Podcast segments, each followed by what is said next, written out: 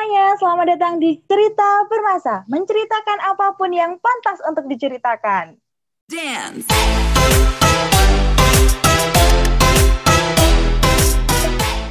Hai guys, nama aku Erlina. BTW nih ya, tadi aku udah kenalin nih podcast pertama kita yaitu Cerita Permasa. Tapi buat kamu para pendengar Cerita Permasa, sebenarnya udah tahu belum sih Permasa itu apa? Kayaknya udah perkenalan tapi kayak nggak tahu gitu podcast ini tentang apa permasa itu apa gitu kan nah jadi sebenarnya guys permasa itu adalah persatuan mahasiswa alumni SMK Negeri Satu Ngawi so cerita permasa ini adalah salah satu program nih yang dibuat untuk menggali pengalaman-pengalaman orang-orang terutama di dunia perkuliahan. Tapi nggak menutup kemungkinan ceritanya juga akan ke mana-mana sih sebenarnya. Tapi karena ini episode pertama, jadi kita lebih ngefokusin tentang pengalaman-pengalaman alumni dari SMK Negeri Satu Ngawi di dunia perkuliahan dan pengalaman-pengalaman hidup mereka. Nah, di episode pertama ini, cerita permasa kedatangan narasumber yang wow bingit nih. Wah, luar biasa sekali ya. Aku menjadi grogi nih narasumbernya siapa gitu kan. Nah, langsung aja nih ya, eh, beliau itu adalah orang yang cukup berpengaruh di SMK Negeri Satu Ngawi dan tentunya di Permasa nih. Nah, siapakah dia? Langsung aja kita panggilkan. Please welcome Kak Alvin Yolanta. Hai Kak Alvin. Halo di Erlina. Gimana kabarnya? Alhamdulillah Kak baik. Gimana Kak Alvin? Baik juga kabarnya? Alhamdulillah baik, sehat. oh ya ini BTW nih ya Kak. Ini aku enaknya manggil Kak Alvin, Mas Alvin atau Bang nih? Uh, sesuka kamu aja lah. Mas juga boleh. Kayaknya emang enakan Mas sih, Mas. Aku manggilnya Mas Afin aja ya. Boleh. Oh ya nih, uh, Mas Alvin ini sekolah di Universitas Gajah Mada. Alumni atau emang udah lulus, Mas? Masnya udah uh, udah lulus berapa tahun? Uh, aku masuk UGM tuh 2016. Kebetulan di UGM kan D3 kan, jadi di 2019 tuh udah lulus. Jadi udah lulus oh. sekitar ya satu setengah tahun yang lalu lah. Jadi baru lulus ya mas? Uh, 2019 lulusnya. Hmm, oke okay, oke okay, oke. Okay. Nah gini ya mas, sebelum masuk ke sesi persaringan, aku mau ngulik-ngulik dulu nih tentang Mas Alvin. Jadi kemarin itu sebenarnya aku baru follow Instagramnya Mas Alvin kan. Dan baru kalau nggak salah emang baru kemarin juga Mas Alvin, Mas Alvin uh, nge-follow back. Dan aku lihat-lihat sih Mas. Jadi ternyata Mas Alvin itu adalah anak gunung. Iya Mas, anak gunung banget ya ternyata. Enggak sih, anaknya mama sebenarnya. Gunung itu sekedar hobi kan. Masa gunung ngelahirin saya sih kan ya gimana gitu. Iya iya iya iya. Berarti maksudnya kalau misalkan dipilih nih tim gunung atau tim pantai nih Mas Alvin Mas Alvin adalah tim gunung. Jelas dong, karena gunung itu salah satu tempat untuk mencari inspirasi yang paling baik. Waduh, waduh luar biasa. Sejak kapan Mas naik-naik gunung itu? Kalau nggak salah aku lihat-lihat tuh udah banyak banget ya gunung-gunung di seluruh Indonesia yang udah di uh, naikin gitu, maksudnya udah dijelajahin gitu. Sebenarnya sih kalau su bilang suka naik gunung sih dari SMK sih, dari masih di Skansa dulu SMK 1 Ngawi. Hmm. Itu dari kelas 1 udah mulai naik gunung, tapi yang baru deket-deket dari Ngawi kayak Lawu kayak gitu baru uh, pas mau masuk kuliah sampai kuliah baru tuh menjelajah ke mana-mana Semeru, Merbabu, ya sekitaran Jawa Timur, Jawa Tengah lah. Jadi sering banget ya Mas naik gunung atau emang kalau pas libur doang? Uh, kalau dibilang sering ya sering, tapi uh, nggak sering-sering banget sih. Cuman kalau pas ada kesempatan gitu ya pasti digunain buat naik gunung. Dan nggak nggak harus pas liburan sih, karena ya dulu kuliah juga kadang kan ada waktu senggang untuk santai gitu kan. Kalau pas oh, oh. gabut gitu ya, bahasa anak muda sekarang, ya udah daripada mau ngapain kan, ayo naiklah gitu. Kadang cuma berdua doang sama temen kayak gitu apa sih mas yang bikin suka gunung gitu? Aku heran banget loh kenapa orang-orang itu kayak suka banget gitu sama gunung. Kalau aku ya mas, kalau aku tuh lebih ke pantai sih. Tapi emang orang suka beda-beda ya sukanya. Tapi kalau boleh tahu nih, apa sih yang membuat Mas Alvin itu suka sama gunung? apa ya kalau pertamanya itu naik gunung ya yang dirasain pastinya capek pertama kali naik gunung tuh iya bilang gini nih sama teman-teman udahlah ini sekali doang nggak akan nyoba-nyoba lagi, lagi naik gunung gitu. Tapi uh. nggak tahu kenapa karena udah sekali nyoba gitu ya. Dan udah ini tiba-tiba pas turunnya tuh kayak ada rasa pengen naik lagi pengen naik lagi. Terus begitu dijalanin dinikmatin kayak ngerasa gunung itu tempat yang nyaman gitu. Maksudnya yang sepi dari hingar-bingar dan aku emang orangnya lebih suka hal-hal kayak gitu sih kayak alam kayak gitu. Jadi kayak di tempat-tempat yang penuh hingar-bingar oh. di ibu kota kayak gini sebenarnya nggak terlalu nggak terlalu uh. prepare gitu cuman di gunung tuh rasanya nyantai bisa mikir gimana ya bisa nikmatin hidup banget gitu rasanya Nah, kalau gunung yang paling Mas Afin suka itu apa? Gunung apa? Dan paling susah? Susah tapi juga suka gitu. Iya, kalau yang pasti sih Semeru sih. Uh, susahnya itu... susahnya karena ya untuk mencapai puncak Semeru kan tertinggi di Jawa ya. Itu oh, oh, oh. yang lumayan sih. Biasanya aku kan empat hari tiga malam di sana.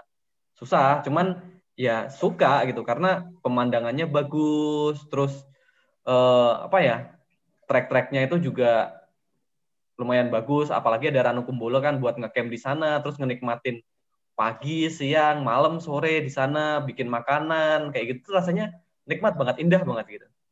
Aduh jadi pengen naik gunung nih mas karena racun dari Mas Awin. Kayaknya seru juga sih kalau ngelihat uh, Instagram Instagram para pendaki gunung gitu kan naik gunung terus kayaknya kebersamaannya tuh lengket banget gak sih mas? Kayaknya aku kalau ngelihat ya, maksudnya aku ngelihat tuh tuh anak-anak gunung itu lebih ke akrab banget gitu gak sih? Bener sih. Jadi ketika kamu naik gunung itu kamu baru bener-bener tahu gimana watak dari seseorang ya sebenarnya. Kalau yang suka ngeluh dia akan bakal gampang ngeluh, capek kayak gitu. Tapi orang yang semangat dia akan selalu semangat, penuh motivasi. Yang orangnya rese ya kelihatan reseknya gitu. Orang yang sabar ya kelihatan sabarnya kayak gitu. Jadi buat nemuin temen gitu yang bener-bener temen itu ya coba deh naik gunung gitu. Jadi pas kondisi susah-susahnya tuh kayak gimana sih sebenarnya orang itu? Apa dia mau bareng sama kita? Apa dia mau ninggalin kita? Kayak gitu tuh bisa kelihatan di sana gitu. Jadi egonya orang itu akan muncul masing-masing ketika dia dalam kondisi sama-sama susah gitu berarti gunung itu menjadi salah satu alat untuk Mas Alvin menemukan teman? Uh, bisa dibilang iya, bisa dibilang enggak. Kalau temen oh, sih pasti okay, naik gunung itu Eh, rata-rata sih pasti sama orang yang udah dikenal ya, jadi udah bisa disebut mm -hmm. temen. Tapi yang ibaratnya untuk benar-benar tahu dia itu temen doang, apa benar-benar temen gitu kan beda ya gitu. Jadi ya mungkin salah satu alat untuk mencari tahu dia itu temen yang seperti apa gitu lebih tepat. Oh iya iya iya iya oke oke. Jadi pengen naik gunung nih mas, tapi kayaknya nggak berani deh. kalau orang belum pernah mencoba itu pasti dia akan selalu bilang ah kayaknya nggak berani deh ah kayaknya nggak berani deh tapi ketika dia mencoba pasti nanti tahu kok rasanya seperti apa. Pengen sih mas. Kayaknya seru juga gitu. Tapi kalau ngelihat di berita-berita lagi viral-viralnya tentang gunung itu kan kayaknya bikin bikin parno banget ya untuk orang-orang yang awam naik gunung gitu. Tapi seru, apalagi kemarin aku lihat di Instagramnya Mas Alvin tuh kayaknya seru banget. Kayak bahagia banget gitu naik gunung. Dan banyak banget kan gunung yang udah dijelajahi uh, sama Mas Alvin. Jadi kayaknya kalau orang lihat Instagramnya Mas Alvin tuh terus kayak gila nih bahagia banget ya kayaknya naik gunung gitu loh Mas. Iya bener sih, apa ya, ibaratnya gunung tuh bukan suatu tempat untuk coba-coba sih, harus dengan edukasi yang jelas, dengan bekal yang cukup, kayak gitu. Ya sama dulu kayak pertama naik gunung tuh, ya namanya masih remaja ya kali ya, baru masuk SMK gitu kan, terus naik, ya ngawur gitu, nggak nggak tahu ilmunya gitu. Begitu makin lama makin lama masuk kuliah ikut pecinta alam sempet kan dulu dapat ilmu ilmunya oh ternyata seperti ini toh oh ternyata seperti ini toh. Kayak gitu. Jadi kalau buat yang nyoba nyoba ya jangan dilakuin sendiri gitu. Kalau bisa ada teman yang oh, udah oke oke oke. Berarti emang nggak sembarangan bisa ya mas? Bener. Ya kayak gitulah gitu. Karena resikonya banyak gitu. Kalau bisa didampingin oh. dulu. Oke oke oke banyak banget sih pengalaman yang uh, aku tanya ke teman-teman tentang gunung. Nah langsung aja nih mas ya kayaknya kayaknya kalau misalkan kita ngobrol lama-lama nanti nggak selesai-selesai. Kita langsung aja ke intinya ya mas. Aku mau tanya tanya-tanya tentang Mas Alvin nih. Tanya-tanya yang pertanyaan pertama itu tentang kehidupan sih Mas sebenarnya.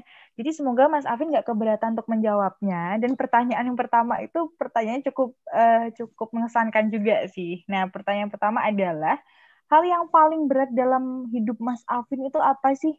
Seorang Mas Afin tuh hidupnya yang berat tuh kayak gimana gitu? Um, masalah yang paling berat ya, ya namanya hmm, boleh boleh ceritain. Itu kan selalu punya masalah ya gitu kan terlepas orang itu kayak gimana pun pasti selalu akan selalu ada masalah gitu ya di hidupnya. Mm-hmm. Kalau aku sendiri sih masalah paling berat itu jujur ya ini kan ya pengalaman hidup gitu ya. Jadi ya bisa diambil poin positifnya, di poin negatifnya bisa dibuang gitu. Dulu zaman waktu SMP, kan dulu saya di MTS N Ngawi gitu kan. Mm-hmm. Itu kan bukan salah satu keinginanku ya. Jadi itu keinginan yang dari orang tua gitu. Ya udahlah suruh masuk MTS gitu. Dulu maunya SMP gitu. Akhirnya di sana tuh ngerasa nggak cocok, akhirnya nakal. Terus ya ya nakalnya cowok lah. Nggak perlu di ini teman-teman juga wajarnya cowok kayak gimana sih kayak gitu. Sekolah males kayak gitu. Iya iya iya. Sekolahan terus sempet uh, mau keluar kayak gitulah. Itu pas masa-masa ininya. Paling beratnya itu ketika kan uh, udah dinasihatin orang tua kayak gimana pun kayak nggak mempan gitu ya.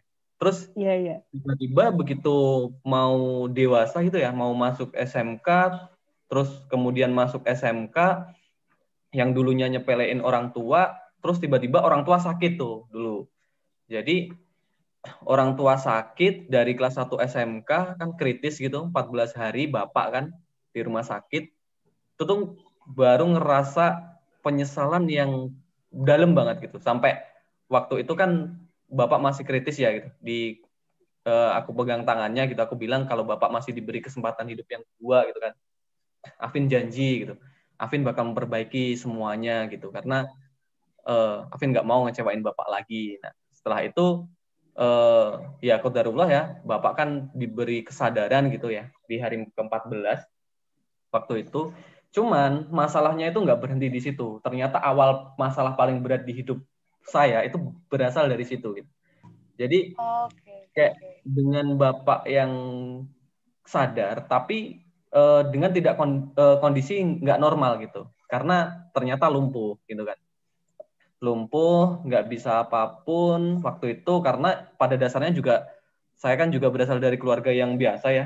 Bapak saya dulu tukang ojek gitu kan terus ibu saya cuman buruh tani gitu ketika bapak lumpuh gitu masih sekolah SMK kakak uh, saya dua bersaudara punya kakak perempuan waktu itu ekonomi jelas carut marut karena udah nggak ada yang kerja gitu kan. Dengan bapak yang lumpuh terus ibu yang biasanya kerja di sawah akhirnya juga nggak bisa kerja. Karena harus uh, apa ya namanya bahasa Jawanya tuh kan ngopeni gitu. ngopeni bapak yeah, rawat yeah, yeah. bapak. Kayak gitu. Terus mulai dari sekolah itu nggak punya biaya, terus ngerasa jadi beban orang tua, sampai dulu tuh aku tuh bilang ke ibu gini, bu udahlah gitu, Afin nggak mau sekolah lagi gitu kan. Ibu kan bilang lah kenapa? Ya sekarang kondisi kayak gini, mana mungkin Afin sebagai seorang anak laki-laki kan tega ngelihat kayak gini. Afin kerja aja lah gitu. Afin cowok gitu. Prinsip saya gitu. Afin cowok. Afin bisa kok kerja apa aja, mau nguli, mau di sawah, mau apa ya uh, kerja kasar apa pun bisa kok yang penting ibu dan bapak bisa enak hidupnya gitu bisa nyambung ekonomi keluarga gitu kan terus ibu kekeh jangan Afin harapan satu-satunya keluarga gitu kan ibu nggak mau Afin sampai nggak sekolah gitu ya itu sih masa-masa paling berat ya jadi ketika benar-benar ngerasa orang tua serba susah tapi nggak bisa ngapa-ngapain gitu sampai okay, okay. pada akhirnya kan selama itu harus misah sama orang tua gitu kan, ikut orang lain kayak gitu. Itu sih masalah yang paling paling, paling susah berat. sih. Paling berat. Itu awal-awal uh, ada masalah atau gimana Mas? Maksudnya kita kan kadang manusia itu kan hidup dari kecil terus dewasa. Nah, kalau Mas tadi menceritakan Mas Awin tadi bilang itu awal mulanya uh, kena masalah itu ya udah langsung jadi berat atau maksudnya uh, itu dulu-dulu udah pernah dapat masalah gitu? Sebenarnya ya pasti masalah kan dari dari dulu ya. Cuman itu hmm. tuh salah satu yang paling berat gitu karena ketika kita uh, harus ngerasa nerima beban itu sendirian gitu kan. Ibarat kata selama sekolah SMK ya jujur ya dulu tuh saya tuh nggak ikut orang tua gitu kan. Sel selama bapak sakit gitu terus memutuskan nggak mau sekolah, kemudian uh, ibu tetap ke, ke sekolah tapi saya nggak tega gitu kan.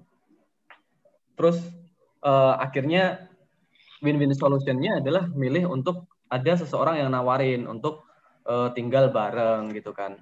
Waktu itu dari uh, kelas 1 SMK sampai kelas 3 tuh nggak ikut orang tua gitu tuh.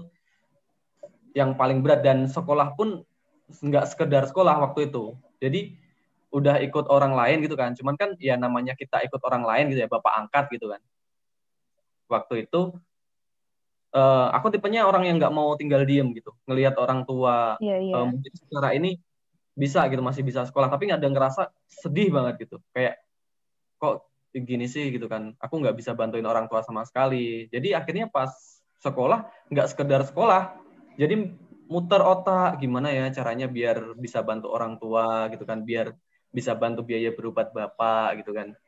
Akhirnya tiap hari jualan gitu ya. Nggak tahu sih sampai sekarang atau zamannya di Erlina di sekarang satu masih banyak nggak sih uh, teman-teman yang jualan gitu?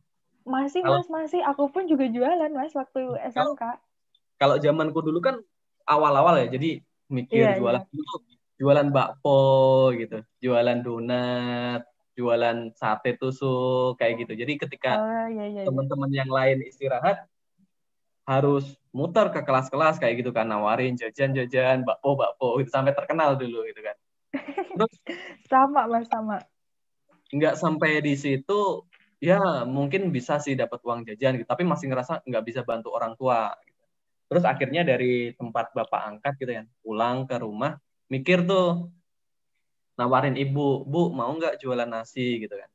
Bilang ke ibu gimana? gitu kan. Terus aku bilang e, nanti ibu tiap pagi bikin nasi nanti aku bawa ke sekolah gitu kan aku jualin ke teman-teman kayak gitu itu masa-masa berat sih gitu salah satu ya bisa dibilang masalah ya masa-masa perjuangan yang ngerasa pada saat itu bahwa aku harus dewasa sebelum waktunya gitu. Jadi apa yang seharusnya belum aku pikirin gitu ya masa-masa SMK kan kayak biasanya tuh masih senang-senang gitu ya main ke mana-mana. Iya, Tapi iya, aku iya, bener-bener orang tua gitu udah harus mikirin nanti seperti apa kayak gitu. Tuh yang bikin berat sih. Iya sih mas itu berat banget sih. Maksudnya aku pun juga pernah merasakan hal yang sama kayak Mas Afin ya, maksudnya eh, nggak uh, tinggal sama orang tua. Dan jujur aja hampir sama sih mas cerita aku sama Mas Alvin. Nggak tinggal sama orang tua waktu SMK bahkan kalau aku ya mas kalau boleh cerita aku tuh dari umur kalau nggak salah enam bulan ya jadi emang aku nggak tinggal sama orang tua dan aku pernah ngerasain di posisi Mas Alvin yang memang nggak tinggal sama orang tua tuh rasanya berat sih mas ya kan bener ya namanya anak sih pengennya deket sama orang tua ya. Iya bener bener bener. Pengennya sih deket sama orang tua, tapi kayak kok gini ya gitu. Pernah gak sih mas marah sama keadaan kayak gitu? Kalau aku jujur dulu awal-awal pernah ngerasain yang namanya bukan marah sih lebih ke kesel gitu. Kok kok hidup aku gini ya, teman-teman aku gini ya. Nah kalau Mas Alvin pernah gak sih Mas ngerasa kok aku kayak gini sih keadaannya gitu?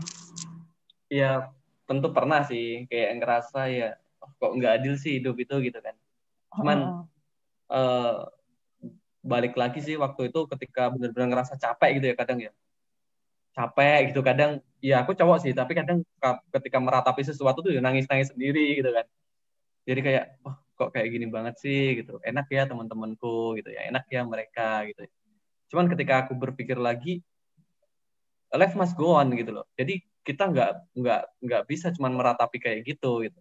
Ya iya, iya, iya, bener, bener. mungkin ada sesuatu yang lebih yang ada di diriku yang teman-teman yang lain nggak punya. Karena kata orang juga kan hidup itu uang sinawang gitu ya.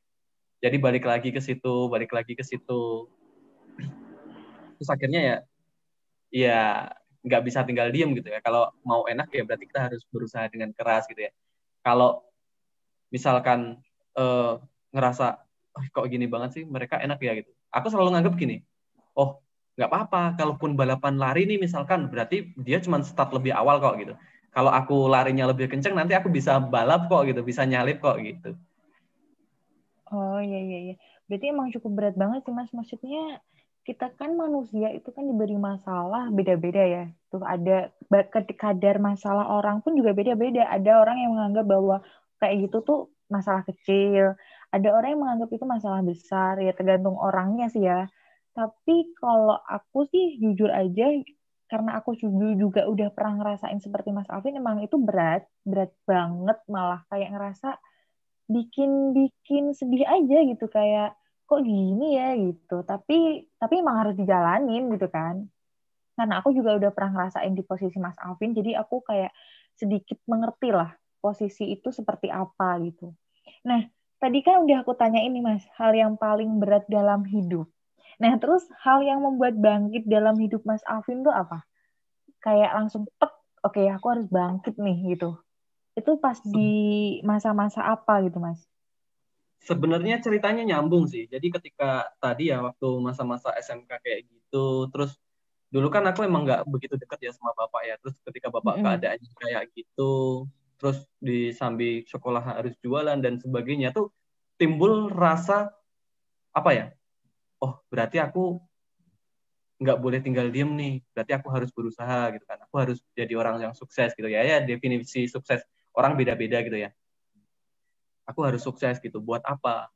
Jangan sampai aku telat buat nyenengin orang tua gitu kan. Jadi selagi bapak masih diberi kesempatan buat hidup gitu ya ya aku harus nyenengin bapak gitu kan. Nyenengin bapak nyenengin ibu gitu kan. Karena ya jujur ya kayak hidupku tuh kayak dulu tuh cuman uh, aku delegasiin semuanya tuh buat orang tua gitu loh. Jadi ya uh, ngerasanya bener-bener bangkit tuh ketika ya aku nggak mau gitu. Uh, orang tua tuh orang tua tuaku tuh nggak ngerasain apa yang seharusnya mereka rasain di masa tuanya kayak gitu. Yang jadi bikin uh, semangat gitu. Jadi awal-awal langsung bikin bangkit itu ketika melihat keadaan orang tua? Bener itu awal-awalnya. Di oh. sisi lain ya banyak dukungan dari eh, orang-orang uh, dari teman-teman dari guru-guru dari pejabat-pejabat kayak gitu. Jadi ngerasa oh ternyata banyak kok yang mendukung aku. Jadi buat apa aku uh, ibaratnya uh, kayak gini. Jadi aku uh, harus berusaha lebih lah gitu. Jadi ngerasa rasa aku harus bangkit banget gitu.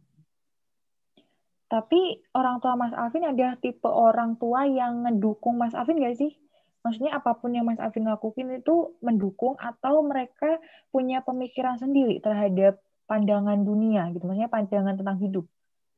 Uh, sometimes mereka mendukung tapi ke kadang juga ada pertimbangan-pertimbangan ya gitu. Nggak 100% mendukung gitu. Kayak dulu mau kuliah tuh seakan-akan aku tuh kan nggak bisa kuliah gitu kan. Mm-hmm. itu jadi mau kuliah itu butuh waktu sekitar ya sebulanan kali buat cuman buat dapat restu dari ibu gitu kan. Waktu mau kuliah gitu. Dulu nggak diizinin sama sekali buat kuliah gitu. jadi Berarti... ya awal masuk kuliah itu sebenarnya nggak diizinin mas? Enggak, sama sekali nggak diizinin. Pas awal-awal dari pendaftaran itu nggak diizinin. Atau mungkin bukan nggak diizinin sih, mungkin lebih tepatnya karena orang tua ada ketakutan gitu. Oh iya iya iya benar-benar sih benar. Jadi lebih kakak khawatir mungkin mas ya? Iya. Khawatir kayak ya nggak tahu juga sih khawatirnya orang tua tuh kayak gimana. Tapi yang pasti orang tua kalau kebanyakan kayak gitu sih pastinya khawatir terus jadinya lebih ke seakan-akan kayak nggak ngedukung gitu. Padahal mereka punya kekhawatiran sendiri gitu kan. Iya benar. Kalau dulu kan orang tua kan ibu selalu bilang gini uh, bahasa Jawa itu wah oh, le wong ngerti dewe keadaannya kayak gini kan. Tahu sendirilah keadaannya seperti ini. Kamu kok pengen kuliah sih? Siapa yang mau ngebiayain bilang gitu. Tapi aku selalu dengan prinsip sih waktu itu. Namanya masih idealis ya gitu, masih muda yeah, iya. idealis. Yeah. Bilang, Bu, Vin cowok gitu. Balik lagi ke prinsip karena aku aku cowok gitu, aku laki-laki gitu ngerasanya. Aku cowok, cowok itu punya jangka yang lebih lebar. Gitu. Wong lanang kui langkahnya tuh, katanya gitu. Iya, Jadi iya, benar-benar kalaupun nanti kuliah, Afin nggak akan minta ke uang sepeser pun ke ibu gitu kan. Serupiah pun nggak akan minta. Afin bakal berusaha sendiri, entah nanti Afin itu jadi tukang cuci, entah jadi tukang nyapu dan sebagainya, entah harus tidur di mana. Afin cowok gitu, bisa gitu loh. Jadi, Jadi ya karena menurutku cowok itu lebih fleksibel ya kayak orang bepergian atau aku pun harus kuliah di luar kota ketika aku harus tidur di masjid atau aku harus numpang di tempat orang itu kan relatif lebih aman ya gitu dibandingkan cewek gitu. Dan secara norma kan kelihatan lebih pantas gitu. Kalau cewek kan lebih dikhawatirkan gitu kan ibaratnya. Jadi selalu ngerasa gitu dulu. Iya sih mas. Bener bener bener. Maksudnya banyak kan juga uh, cowok emang punya prinsip kayak gitu sih. Maksudnya mereka kan tahu nih oh aku cowok nih aku harus gimana gitu. Beda dengan cewek yang mungkin seperti aku ya pandangannya juga berbeda gitu. Kalau misalkan uh, mau apa juga mikirnya tuh lebih lebih uh, gimana ya beda lah intinya sama cowok sama cewek gitu kan nah kalau menurut Mas Alvin nih definisi sukses menurut Mas Alvin tuh kayak gimana sih tadi kan udah Mas Alvin udah bilang nih definisi sukses orang itu kan beda-beda nih ya kan. Nah kalau menurut Mas Alvin tuh gimana definisi suksesnya Mas Alvin itu gimana? Sukses, sukses buat aku itu apa ya? Karena prinsipku itu aku cuman sebenarnya cuman pengen hidup yang sederhana gitu sih. Sukses dengan banyak pencapaian, ibaratnya jadi orang yang benar-benar kaya atau itu bukan bukan sukses itu sih menurutku. Jadi ketika aku bisa berhasil buat orang tua itu ngerasain apa yang nggak pernah mereka rasain yang seharusnya kayak gitu. Misalkan nih punya rumah yang layak gitu ya, yang layak huni gitu. Terus punya kendaraan gitu. Misalkan punya mobil, bisa bawa orang tua liburan, bisa bawa orang tua naik haji, bisa bawa orang tua naik umroh, bisa ngenalin orang tua ke kota-kota yang mereka nggak pernah kunjungin, kemudian bisa bawa mereka liburan, kayak gitu tuh sebuah definisi sukses buatku gitu. Jadi kayak ya hidup ini kan apa ya sesuatu yang luas gitu ya. Ketika aku pengen ngerasain sesuatu dan aku bisa mencapainya, ya itu sukses menurutku gitu. Jadi misalkan aku punya di hidup, oh aku pengen nih uh, ke Europe gitu ya, ke Eropa dan aku bisa mencapai itu gitu. Itu salah satu sukses menurutku gitu. Jadi nggak terpaut dengan patokan hitungan atau materi sih menurutku kayak gitu. Jadi ya kalau aku pengennya sederhana nih misalkan aku cuma pengen tiap uh, minggu bisa beli atau makan lauknya daging gitu. Ya itu definisi sukses menurutku gitu. Jadi apa yang aku pengen atau apa yang orang tua aku pengen itu bisa tercapai itu sukses menurutku kayak gitu. Dan alhamdulillahnya itu semua udah tercapai, Mas. Um, ya beberapa ada beberapa belum gitu kan ya karena per, namanya perjalanan hidup dan setiap setiap kali waktu bertambah itu keinginannya juga bertambah gitu makin banyak juga sih bener-bener bener tapi aku salut banget sih tadi Mas Afin bilang bahwa definisi sukses itu menjadi orang yang sederhana. Dalam artian apa pun yang kita inginkan kita bisa mencapai itu. Aku setuju banget sih Mas. Aku pun juga punya pemikiran kayak gitu. Maksudnya sukses itu nggak perlu yang langsung wah gini gini gini gini atau gimana gimana gitu. Yang penting menurut aku pun juga sama. Sukses itu ketika kita bisa meraih apa yang kita inginkan itu menurut aku juga udah bisa dibilang sukses tapi balik lagi sih definisi sukses orang kan beda-beda nah tadi kita udah bicara sukses nih mas pernah nggak sih mas ngerasa insecure gitu ketika melihat kesuksesan orang lain atau uh, pencapaian orang lain nah uh, insecure-nya Mas Alvin itu kayak gimana sih gitu? Jelas pernah dong gitu. Jadi ya namanya apa ya? ya kan dari Ngawi gitu ya. Sebenarnya yeah, paling yeah. itu ketika masa-masa kuliah sebenarnya. Oh, pas masa-masa kuliah. Iya, dari orang Ngawi gitu ya, orang anaknya orang yang nggak punya gitu ya. Terus kuliah gitu ya di UGM waktu itu di Jogja, ketemu temen-temen gitu ya yang notabene itu anaknya direktur, anaknya manajer gitu yang yang bukan orang-orang yang biasa gitu ya. Yang pakaiannya wah, yang udah biasa kayak uh, ke mall atau ke McD, ke KFC, Starbucks kayak gitu. Dan aku tuh gak punya pengalaman yeah, sama yeah, sekali gitu. Jadi tuh ngerasa, duh gimana ya gitu. Gimana ya ngobrol sama mereka nyambung nggak ya gitu. Terus, duh bisa nggak ya ngerasa ngerasa ngerasa kayak gitu. Terus apalagi kan uh, mereka juga itu dalam segi kehidupan ya, dalam segi perkuliahan pun sama gitu.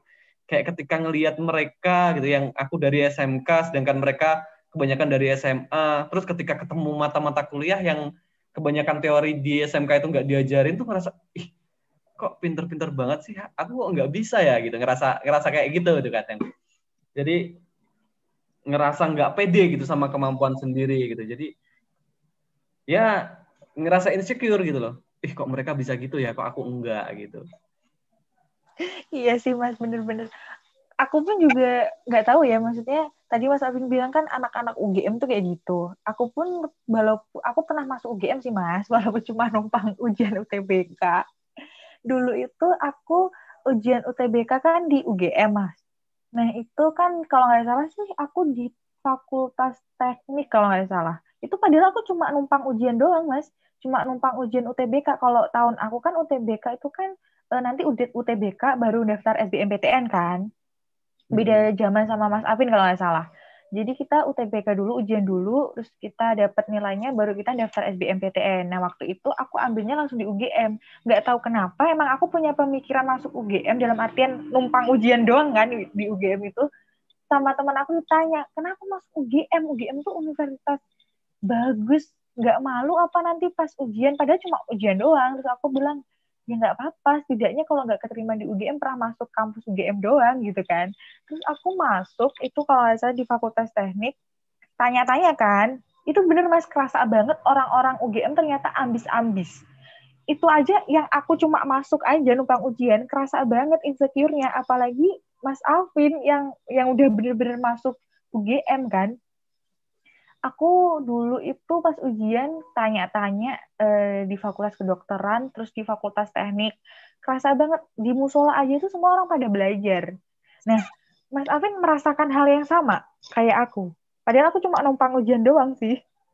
Sama sih dan apa ya? Jadi karena ini kebanyakan tuh emang orang ambis gitu ya. Jadi kayak Iya benar-benar. Ujian gitu kalau nggak sama orang atau temen yang benar-benar deket gitu ya mau minta ajar atau kita belajar bareng gitu susah loh gitu. Jadi uh, cuman sama orang-orang yang emang kita kenal deket aja. Jadi mereka tuh kadang ada rasa egois tuh ya. Oh, aku harus jadi yang baik, aku harus jadi yang baik. Sedangkan aku bukan jiwa yang kayak gitu gitu. Jadi aku tuh lebih ke ngejalanin aja gitu. Jadi kayak kadang kalau nggak bisa tugas atau ini tuh susah gitu. Karena mereka udah pada masing-masing gitu. Bikin Cuman ya pada sih mas lihat teman-teman kayak gitu? Gimana? Bikin stres gak sih? Maksudnya ngelihat teman-teman yang kayak gitu kan ngerasa insecure gitu loh. Ya sebenarnya kalau stres sih enggak sih karena ketika aku kan bukan tipe orang yang ambis gitu sebenarnya. Jadi ketika suatu oh, pencapaian iya. enggak aku enggak aku terima ya aku ya udah gitu aja gitu. Yang penting kita selalu berusaha. Jadi nggak ngerasa yang ih kok harusnya aku gitu tuh? Enggak jadi nikmatin aja yang penting kayak air mengalir aja gitu kan. Benar. Nah ini kalau nggak salah Mas Afin dapat beasiswa bidik misi. Benar. Itu tahun berapa Mas bidik misi? 2016 oh pas masuk ya langsung masuk itu langsung dapat bidik misi? Itu oh, lewat enggak. SN apa SB Mas? Enggak jadi gini ceritanya waktu itu. Dulu kan sebenarnya uh, aku kan udah kayak sama sekali nggak ada harapan buat kuliah gitu kan. Cuman iya, ketika yeah, yeah, di uh, kelas 12 gitu ya, itu banyak dorongan dari berbagai pihak gitu ya, dari guru-guru, terus termasuk dari wakil bupati waktu itu Pak Oni ya, sekarang udah jadi bupati gitu kan.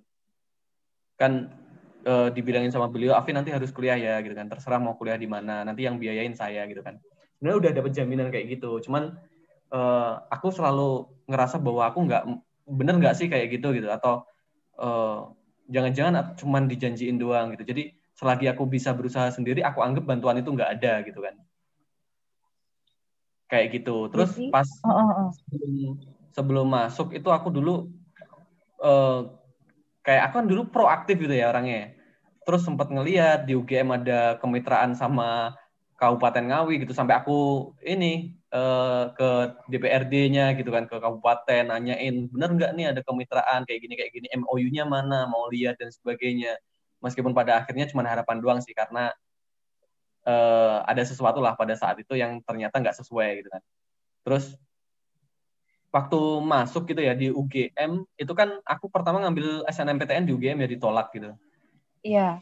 Ditolak gitu kan. Terus kemudian pas SBM tuh aku udah nggak berani ngambil UGM gitu kan aku ngambil di universitas yang lain gitu pas SBMPTN. Nah kemudian eh, pas ada pendaftaran PBUB di UGM itu ada jalur mandiri namanya PBUB penelusuran bibit unggul berprestasi gitu kan. Nah waktu itu aku iya, iya, iya. daftar. Nah sedangkan di PBUB itu nggak bisa langsung ngeling ke bidik misi gitu kan. Aku daftar PBUB di UGM D3 ngambilku. Karena ya insecure juga sih harus sambil mana nih gitu kan. Sama-sama nggak uh, yang defense itu di hari Kamis itu pengumuman jam untuk wawancara bidik misi. Sedangkan di UGM itu uh, udah diterima tapi nggak bidik misi gitu kan. Akhirnya bingung duh pilih yang mana ya? Sedangkan waktunya mepet akhirnya telepon Pak Oni waktu itu wakil bupati. Terus tanya beliau menyarankan ya udah ambil UGM aja gitu kan. Karena di sana beliau ada tempat tinggal yang kosong nanti suruh nempatin di sana gitu kan. Oke masukkan ke UGM itu bukan bidik misi. Jadi biasa bayar UKT gitu kan. Tapi pada iya. saat penyerahan berkas aku cuma kena UKT satu. Itu senilai lima ratus ribu. Cuma lima ratus ribu. Itu pun juga nggak bisa bayar sih. Meskipun ya segitu. Karena ya kayak kondisi dulu tuh kan benar-benar berat gitu ya. Dibayarin yeah, sama yeah, Pak Odi gitu kan. Dibayarin di sana dikasih tempat tinggal kayak gitu. Nah cuman aku kan orangnya nggak tinggal diem gitu ya. Jadi ketika ada uh, kesempatan buat bidik misi gitu ya aku daftarlah di situ. Singkat cerita daftar dan akhirnya baru keterima di bidik misi pas semester 1 kemudian UKT yang udah dibayarkan di, dikembalikan. Kayak gitu oh, jadi nggak langsung emang nggak langsung Enggak. Oh. Nah, BTW nih Mas, dari tadi itu kebanyakan masuk pengalaman masuk kuliah itu dibantu sama Pak Oni. Dulu waktu mesti menjadi wakil bupati ya. Nah, kalau boleh tahu nih Mas, kok bisa yeah. sedekat itu sih sama Pak Oni? Aku bilang ya, tadi kan aku selama SMK kan ikut orang gitu ya, ikut bapak angkat gitu ya. Iya. Yeah. E, namanya Kang Wira gitu awalnya. Ya anak sekansa pada tahu lah Kang Wira gitu. Apalagi anak Jujitsu gitu. Terus uh, ketika ditawarkan tinggal di sana aku ikut yang pada akhirnya menuntunku untuk jadi atlet waktu itu wusu muay thai dan oh. jiu-jitsu nah dari situ sering uh, menang gitu ya sering menang dapat prestasi kemudian dikenalin terus Pak Oni pun juga tahu pada saat itu alhamdulillahnya di prestasi olahraga kan jalan ya waktu itu ya di atlet gitu juga sama-sama jalan gitu ya. Akhirnya kan dilirik gitu sama Pak Oni. Dan ya akhirnya kenal dengan sendirinya. Pada awalnya dikenalin sama Kang Wira itu. Berarti awal deket sama Pak Oni itu sebenarnya ketidaksengajaan berarti mas? Uh, bisa dibilang gitu sih. Ya sengaja dikenalin sama Kang Wiranya. Tapi dari aku kan nggak oh. pernah ada sana. Bersyukur banget sih mas maksudnya kayak selalu ada jalan sih buat orang-orang yang punya niat baik ya nggak sih mas? Aku pun maksudnya dari cerita tadi mas Alvin menangkap Lalu, bahwa selalu pasti ada jalan aja buat kita yang selalu punya niat baik. Pernah ada batasan gitu ya di tengah keterbatasan yeah. selagi kita mau berusaha. Ini btw kayaknya sinyalnya mas Alvin atau sinyalku ya mas? Suaranya soalnya sedikit mancet-mancet sih Jelas ini? Ini jelas lagi? Oh jelas. Soalnya tadi pas Mas Alvin jelasin, jelas. soalnya nggak macet-macet. Maklum aja guys, kita record podcast ini online. Jadi kita lewat Zoom, bukan nggak nggak ketemu langsung sih. Jadi maklum aja kalau misalkan podcast episode pertama ini agak ada kendala karena memang kita recordnya tuh online guys. Nah tadi kita ngobrol-ngobrol udah tentang masuk UGM gimana, terus dapat beasiswa kan mas. Terus aku mau tanya-tanya nih sama Mas Alvin. Susah seneng di UGM tuh apa aja sih Mas kalau boleh tahu? Susah seneng. Susahnya, iya, susah senengnya di UGM. Susahnya apa ya? Aku nggak pernah ngerasa susah sih karena aku tuh kayak orang yang bodoh amat gitu. Jadi ya udah dijalanin aja gitu. Kalau ya susahnya mungkin ketik pas semester semester awal kayak gitu ya dulu aku sebenarnya ngerasa nggak cocok di teknik elektro gitu meskipun SMK-nya oh iya iya iya karena dulu aku lebih suka atau lebih milih ke hukum sebenarnya karena selama SMK oke okay sih di bidang robotik gitu ya pernah juara gitu juga. Cuman tuh lebih aktif atau lebih ngerasa berbakatnya tuh di bidang sosial gitu, soshum, terutama hukum. Karena dulu aku seringnya juara tuh malah debat gitu. Meskipun anak oh. teknik. Jadi cuman karena aku masuk universitas itu uh, di beberapa universitas pas pendaftaran kan di beberapa keterima itu sama sekali nggak ada yang tes karena aku lewatnya jalur prestasi gitu kan. Dan kalau lewat jalur prestasi dan jalur rapot itu kan harus sesuai jurusan SMK-nya ya gitu. Jadi mau daftar hukum tuh nggak bisa dan mau ikut tes ya males gitu kan, males males juga gitu sebenarnya untuk belajar lagi kayak gitu karena udah ibaratnya kayak ngejagain udah dari prestasi aja gitu. Jadi pas semester 1 di teknik elektro di UGM tuh ngerasa nggak cocok. Duh, gimana ya? Bingung kan mau keluar, tapi sayang sama bidik misi, nanti nggak bisa dapat bidik misi lagi gitu kan bingung tuh sampai di semester 3 tuh sempet drop banget, sempet udah bener-bener malas tuh kuliah TA doang, TA doang, titip absen, titip absen kayak gitu. Sampai IPK tuh kan ambang batas bidik misi di UGM itu kan 2,75 ya. Iya, berarti 2,75. Kan dibimbing kalau nggak bisa. Nah, di semester 3 itu IPK tuh cuma 2,76 di semester 3. Jadi semester 3 itu 2,76, Mas. Iya, 2,76 semester 3. Keras banget sih iya ngepas banget emang iya itu ya terus itu terus gimana mas senengnya ya ternyata ketika di awal-awal aku kuliah itu ngerasa insecure kan dengan teman-temanku yang kayak gitu ternyata enggak kok. Sukaku di UGM itu adalah aku ngerasa UGM itu adalah kampus dia mengakar kuat gitu. Jadi kayak orang-orangnya tuh meskipun anak-anaknya orang kaya gitu ya anak-anaknya pejabat tapi dia tuh bersahabat banget loh gitu. Dia tuh nggak pernah memandang aku dari mana atau teman-temannya itu dari mana tuh nggak pernah. Jadi ya nggak ngebedain gitu. Itu yang bikin aku oh ternyata kayak gini ya. Jadi ngerasa bersyukur gitu. Senengnya sih di situ. Jadi teman-temannya juga kompak kayak gitu. Terus ya dulu sih karena di di semester 3 kan IPK aku jeblok ya di 2,76 gitu kan.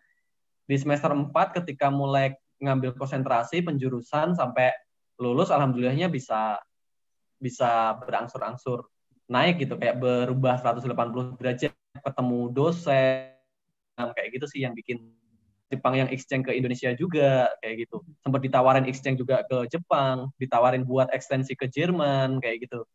Ya itu sih seneng susah senengnya di UGM berarti kehidupan perkuliahan Mas Alvin Mas Alvin ini bisa dibilang pasang surut ya. Pernah di bawah banget dapet IPK rendah terus tiba-tiba langsung bus tinggi gitu kan. Jadi apa ya uh, luar biasa banget sih Mas. Kayak maksud aku kira gitu Mas. Mesti aku kira tuh orang kalau misalkan udah masuk UGM nih ini pandangan pribadi aku ya Mas. Nggak nggak nggak umum sih ini pandangan subjektif aku.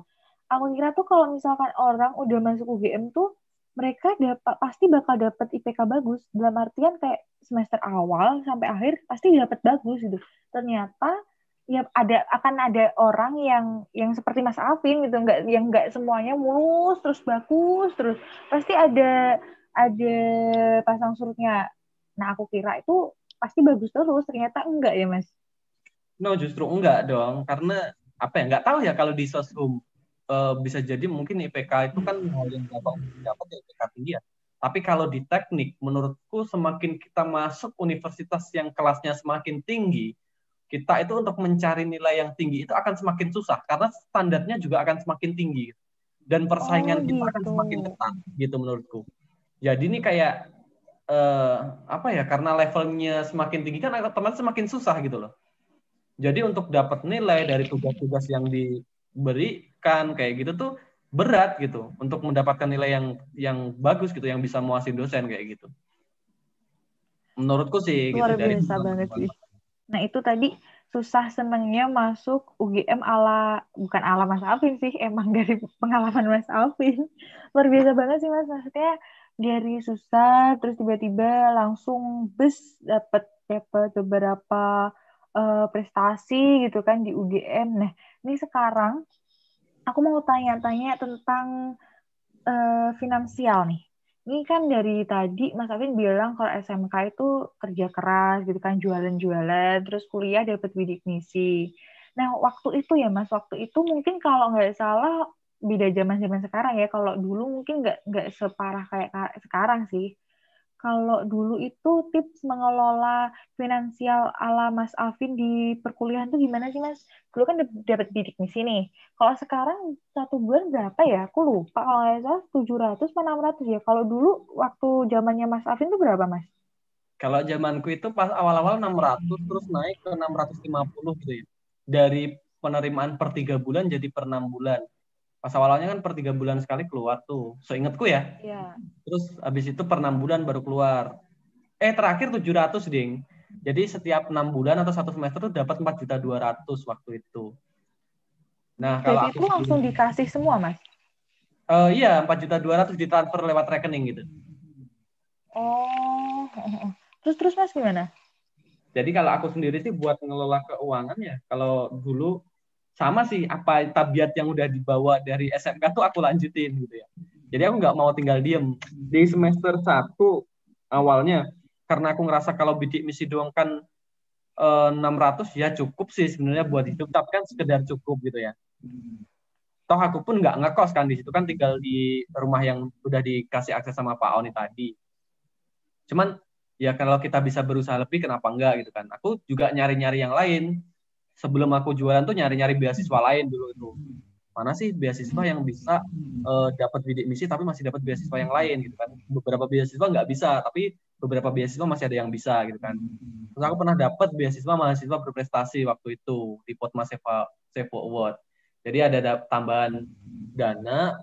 Terus kalau aku ngelolanya ya di awal-awal ya biasa sih yang dari beasiswa buat hidup sehari-hari gitu dicukupin. Tapi ketika aku udah tahu celahnya gitu kan ya namanya orang hidup kan harus selalu mencari peluang gitu ya. Terus uh, tabiat yang dari SMK itu aku bawa, oh ada kesempatan jualan nih gitu kan. Nah, dulu aku jualan lagi selama kuliah gitu kan. Jadi dulu itu ada kantin kejujuran gitu ya. Ada kantin kejujuran. Oh, iya iya iya iya iya. Terus wah ini apa ya kira-kira yang bisa dijual gitu yang belum ada di sana gitu kan. Terus pas uh, ya siang-siang kayak gitu ke angkringan, biasa ngobrol-ngobrol basa-basi sama tukang angkringan gitu kan. Terus ada molen nih enak gitu kan. Ada molen enak. Tanya mas ini belinya di mana ya? Gini gini, gini basa-basi akhirnya tahu tempatnya. Terus aku mikir oh enaknya nih aku jualan nih di kantin kejujuran. Jadi aku jualan molen waktu itu. Jualan molen yang awalnya rugi uangnya hilang diambil orang kayak gitu Iya, tapi aku iya. nggak nyerah gitu kan. Terus ya coba lagi lah coba lagi pakai strategi lagi pakai strategi lagi. Terus akhirnya selang beberapa hari udah mulai dapat untung dapat untung yang lumayan gitu kan. Sehari bisa empat puluh ribu enam puluh ribu gitu kan. Nah setelah dapat penghasilan yang tetap ya seenggaknya selama uh, aku masuk kuliah gitu kan cuman di kanan kejuran naruh gitu ya. Yang sehari uh, sekitar enam puluh ribu empat puluh ribu kan udah bisa buat makan sehari ya kalau di Jogja ya karena aku dulu juga yeah, yeah, yeah. gitu. Terus jadi uang yang dari aku jualan itu aku gunain buat makan kayak gitu. Buat makan di sana. Kan aku jarang makan di luar ya. Dulu kan bawa beras sendiri dari rumah. Terus tiap hari itu makannya cuma telur ceplok telur ceplok kayak gitu. Terus sama mas. jadi uang yang bidik misi kan akhirnya utuh ya yang beasiswa ya? Iya kan utuh tuh. Nah, terus aku manfaatin waktu itu. Aku belilah sebuah kamera dulu. Oh, aku beli iya, kamera, iya. tapi bukan buat seneng-seneng gitu kan. Aku beli kamera yang pada akhirnya aku sewain kayak gitu. Jadi dapat keuntungan double dong, masih punya kamera, terus dapat penghasilan dari persewaan, terus buat kehidupan sehari-hari dari yang hasil jualan gitu sampai uh, punya tabungan yang agak lumayan gitu kan waktu itu waktu kuliah kayak gitu. Sama mas. Astaga sumpah. Aku juga gitu mas. Aku kan kuliah di Jogja mas btw tapi ya kalah sih sama kampusnya mas Alvin. Aku kuliah tuh di Jogja di KPN mas. Kalau mas Alvin tahu ya KPN tapi yang aku di sekolah tinggi ilmu manajemen bukan yang di STIE Nah, aku kan kuliah di situ. Aku juga jualan, Mas. Ya sama kayak Mas Alvin, aku kuliah tuh juga jualan. Juga sama di kantin kejujuran. Awal-awal juga rugi, Mas. terus uh, rugi-rugi terus kan terus tiba-tiba aku pasang surut terus tiba-tiba males karena rugi terus ya mas kalau mas Afin kok bisa sih semangat terus jualan padahal udah ngerasain rugi mas kalau aku dulu gini ya ngerasain rugi kan ya di satu tempat gitu ya terus aku mau mikir tuh strateginya gimana gitu.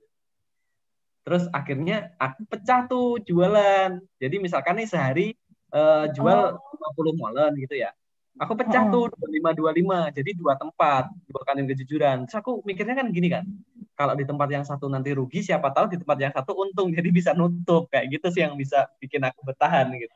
Oh gitu. Nah, di satu tempat. Kalau aku tuh dulu jualannya di kantin kejujuran juga mas. Jualannya tuh tau nggak apa? Aku jualannya tuh pokari, pokari sama eh, itu loh yang minuman jeruk yang harga tiga ribu pak dua setengah itu aku jual itu empat ribu. Karena kan kantin kejujuranku di di tingkat uh, atas kan. Jadi pada pada jual tuh harga harga mahal. Terus aku jualan itu. Aku juga sama kayak mas Alvin jualan. Dan sama juga mas. Aku juga ngerentalin kamera loh mas. Astaga ternyata narasumber aku sama nih pengalaman hidupnya.